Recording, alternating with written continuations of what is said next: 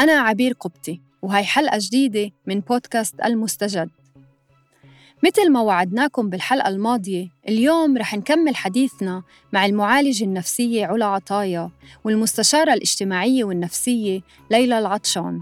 لحتى نحكي بالتفصيل عن الأزمات النفسية اللي ممكن تسببها كل هالظروف اللي منعيشها في ظل جائحة كورونا. إذا حابين تسمعوا الحلقة الماضية عن القلق لدى كبار السن بالتحديد تقدروا تشتركوا في قناة بودكاست المستجد على أي منصة بودكاست بتفضلوها.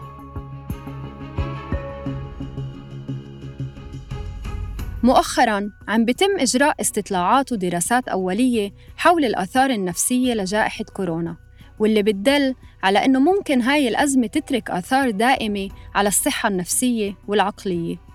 عم تبحث الجامعات ومراكز الأبحاث بالعالم عن أثر المرض نفسه يعني الفيروس بالتحديد على الدماغ والصحة النفسية. بس كمان لاقت ضرورة للبحث في أثر الحجر المنزلي والعزل وإغلاق الأماكن الحيوية بالمدن وكل اللي نتج عنه من ارتفاع نسب البطالة وتفريق بعض العائلات. هاي الأبحاث لسه ببدايتها وما منقدر نجزم من هلأ شو نتائجها. ولكن اللي بيعرفوه أخصائيي علم النفس إنه من الطبيعي نحس بالقلق هاي الفترة لأنه كل الحياة اللي منعرفها وقفت. ولكن الخطوة الأولى للتعامل مع القلق هو إنه نفهمه. المعالجة النفسية علا عطايا تحكي لنا أكتر. لحتى لنعرف نتعامل مع هذه المشاعر أول شيء نفهمها. آه، لن نفهمها بدنا نعرف أن نحن بشكل عام نشعر بالقلق وبالتوتر لما نواجه أي نوع من التهديد. لسلامتنا ولصحتنا آه، أو لما نواجه أي استحقاق يعني إذا شخص عنده امتحان أو في استحقاق معين آه، ممكن يشعر بقلق وبتوتر. ولكن هذا القلق والتوتر بيكون مبرر وهو إذا بدك هو شيء بيساعدنا يعني هو قلق إيجابي بيساعدنا نستعد بشكل أفضل. ولكن الفرق هالمرة إنه الوباء العالمي هو امتحان ما كنا منقدر نتحضر ونجهز لمواجهته. فحاليا أمام التهديد اللي عم نواجهه آه، لأنه في شعور ب آه، آه، عدم القدرة على التحكم بمصدر هذا التهديد لأنه نحن عم نواجه فيروس في انعدام اليقين أو قلة المعرفة بخصوصه بخصوص مترتبات أو شو بده ينتج لبعدين من نتيجته. ف أمام هذا الواقع آه، كتير طبيعي نشعر بالقلق مثل ما قلت وبالتوتر. بصير القلق غير طبيعي ولازم نتعامل معاه لما يبدأ يأثر على حياتنا سلباً ويفقدنا قدرة التحكم فيها.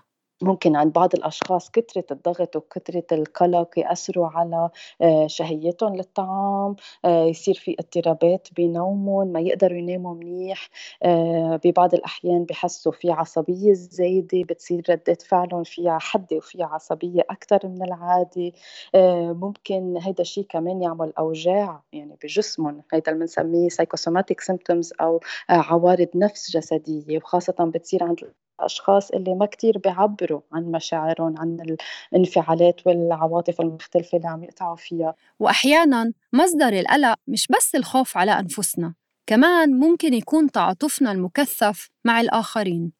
هذا الشيء بالتحديد بيعيشوه بهالفترة الطواقم الطبية مثلاً لما بيتعاملوا مع مصابي الفيروس بشكل يومي. ببعض الأحيان بصير في فرط بالتعاطف وبصيروا كل الوقت حاسين إنه ممكن هيدا الشيء يصير معي فبصيروا يحسوا بالخوف والقلق أكثر كتير ضروري مع هدول الأشخاص تحديدا يكون في ليميتس للإمباثي يعني قد إيه نحن بنتعاطف مع غيرنا يكون في بعض الحدود ويجربوا قد ما بيقدروا كمان يكونوا عم بيطمنوا حالهم ويذكروا حالهم بالدور الأساسي والكبير اللي هن عم يعملوه بالتضحيات الكبيرة بهذا الدور قد إيه هو مهم ممكن نسمع مقولات بتقلل من أهمية الصحة النفسية أو بتعتبرها رفاهية خصوصاً لما نقارنها بحاجاتنا اليومية مثل الغذاء وخدمات الكهرباء والماء. نسبة كبيرة من الأشخاص فقدوا مصدر رزقهن وصارت هاي الحاجات اليومية مهددة ولكن هذا كله ما بينفي أهمية الصحة النفسية. الصحة النفسية منا رفاهية الصحة النفسية هي أمر أساسي. مثل لما نحكي عن صحتنا الجسدية ضروري كمان نهتم بصحتنا النفسية اللي بتتقاطع وبتأثر كتير على صحتنا الجسدية. يعني أحيانا كتير بنكون نحن مزعوجين من موضوع ما عم بيأثر كتير علينا نفسيا وببلش يبين علينا عوارض جسدية. يعني صحتنا النفسية كتير بتأثر على مناعتنا وبتأثر على صحتنا الجسدية وأكيد على علاقاتنا وعلى كتير أشياء بتعني لنا بالحياة. ممكن إذا ما كنا عم نهتم بصحتنا النفسية المو... هيدي الأمور تتأثر بشكل سلبي. من أكثر الأشخاص المعرضين لأزمات نفسية شديدة هالفترة هن الأشخاص اللي أصلاً بيعانوا من اضطرابات نفسية سابقة مثل القلق والاكتئاب والوسواس القهري. وعشان هيك بيتطلبوا اهتمام أكبر من محيطهم. ومن الأشخاص اللي بيقدموا لهم رعاية نفسية عادةً. لكن وين منعرف إنه ضروري نطلب المساعدة؟ ليلى العطشان المستشارة الاجتماعية والنفسية بتقدم لنا جواب. اولا بدي أروح للاسوء إذا الأشخاص عندهم أفكار انتحارية يعني إذا الشخص بفكر إنه خلص ما ضلش معنا لحياتي وهاي النهاية وممكن سيطر على هالشخص أفكار إنه يأذي نفسه. هذه اولا. ثانيا إذا الشخص صار حاسس إنه سلوكه آه، بريد السيطرة إنه ممكن يأذي غيره. يعني مثلا الشخص اللي موجود بالبيت ومن إحباطه عم بيكون عنيف وممكن يسبب أذى لغيره. هذا مؤشر قلق وتطرف بالقلق رجاء آه، أطلبوا مساعدة عشان ما تأذوش غيركم. وكمان أنتم تنأذوا لأنه اللي بيأذي أحبائه كمان رح ينأذي.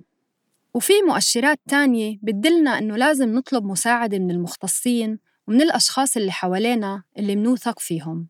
إذا الناس حاسين إنهم مكتئبين كثير يعني مش قادرين يتعاطفوا مش قادرين يتواصلوا نفسيا أبدا مع الناس اللي حواليهم مهملين بحالهم كثير يعني آه، مؤشرات الاكتئاب آه، نظافة الشخص بطلت مهمة شكله أبدا بطل مهم. كمان انتبهوا. في طرق للتخفيف من أثر الأزمات النفسية ممكن نتبعها إحنا. بتغيير عاداتنا أو نمط روتيننا اليومي وكمان نظرتنا للأمور. شو الإشي اللي بيساعدنا نعمله؟ يمكن تعودنا على نمط حياة مثلا نمط حياة إنه بشوف الحياة بس من خلال هذا الشباك أو بس من خلال هاي الزاوية. يمكن تكون هاي فرصة إنه أفتح شبابيك تانية بحياتي. يعني اللي متعود بس إنه يطلع مثلا على مطاعم وكوفي شوبس ونلبس وهيك اسألوا حالكم يعني هل هذا أصلا كان جاب لي سعادة؟ شو كمان ممكن يجيب لي سعادة؟ ممكن احتياجنا انه نرجع بس نكون أبسط شوي أطفال أكثر شوي نلعب أكثر شوي نسمع موسيقى أكثر شوي نقرأ أشياء إيجابية أكثر شوي. في أشياء بجد بالحياة هي خيار. مثلا هل أنا بدي أختار أضلني أحكي بنفس الموضوع اللي بقلق بقلق بقلق بدون ما أعمل اللي أنا لازم أعمله؟ هذا بكون عملت خيار رح يزيد قلقي هل أنا رح أضلني أحضر أخبار 25 ساعة من 24 ساعة؟ كمان هذا رح يزيد قلقي. ليلى بتقول إنه أزمة مثل هاي ممكن تكون فرصة لنرجع نقيم حياتنا بعيدا عن كل الأشخاص والأماكن اللي كنا مضطرين نتعامل معها بشكل يومي. أنا بشوف إنه في كثير ناس عن جد عمالهم بتأملوا بشوفوا شو العبرة شو الإشياء اللي كانوا آه، مش ممنونين إلها بالحياة آه، شو الإشياء اللي كانوا يتذمروا عليها ومش حرزانة. شو الأخطاء اللي كنا ندور للآخرين عليها وأتريها ولا إشي؟ يعني شفنا الإشياء بالصورة الكبيرة. هذه إشي بحسه منيح. الناس في كثير ناس جد عمالهم بتأملوا. ليلى وعلا أجمعوا على نصائح عامة ممكن تخفف من أثر هاي الأزمة علينا وعلى صحتنا النفسية. أهمها التواصل مع أشخاص مقربين مريحين ممارسة الرياضة والتأمل وتمارين التنفس واتباع الأكل الصحي. أما على مقياس أكبر بمجتمعاتنا التكافل الاجتماعي هو حل لكتير من المشاكل. أنا أظني بالأزمات ومن خبرتي بكثير دول كان فيها أزمات. التكافل الاجتماعي إنه نحس بغيرنا هي من أهم الأشياء الوقائية في الحياة.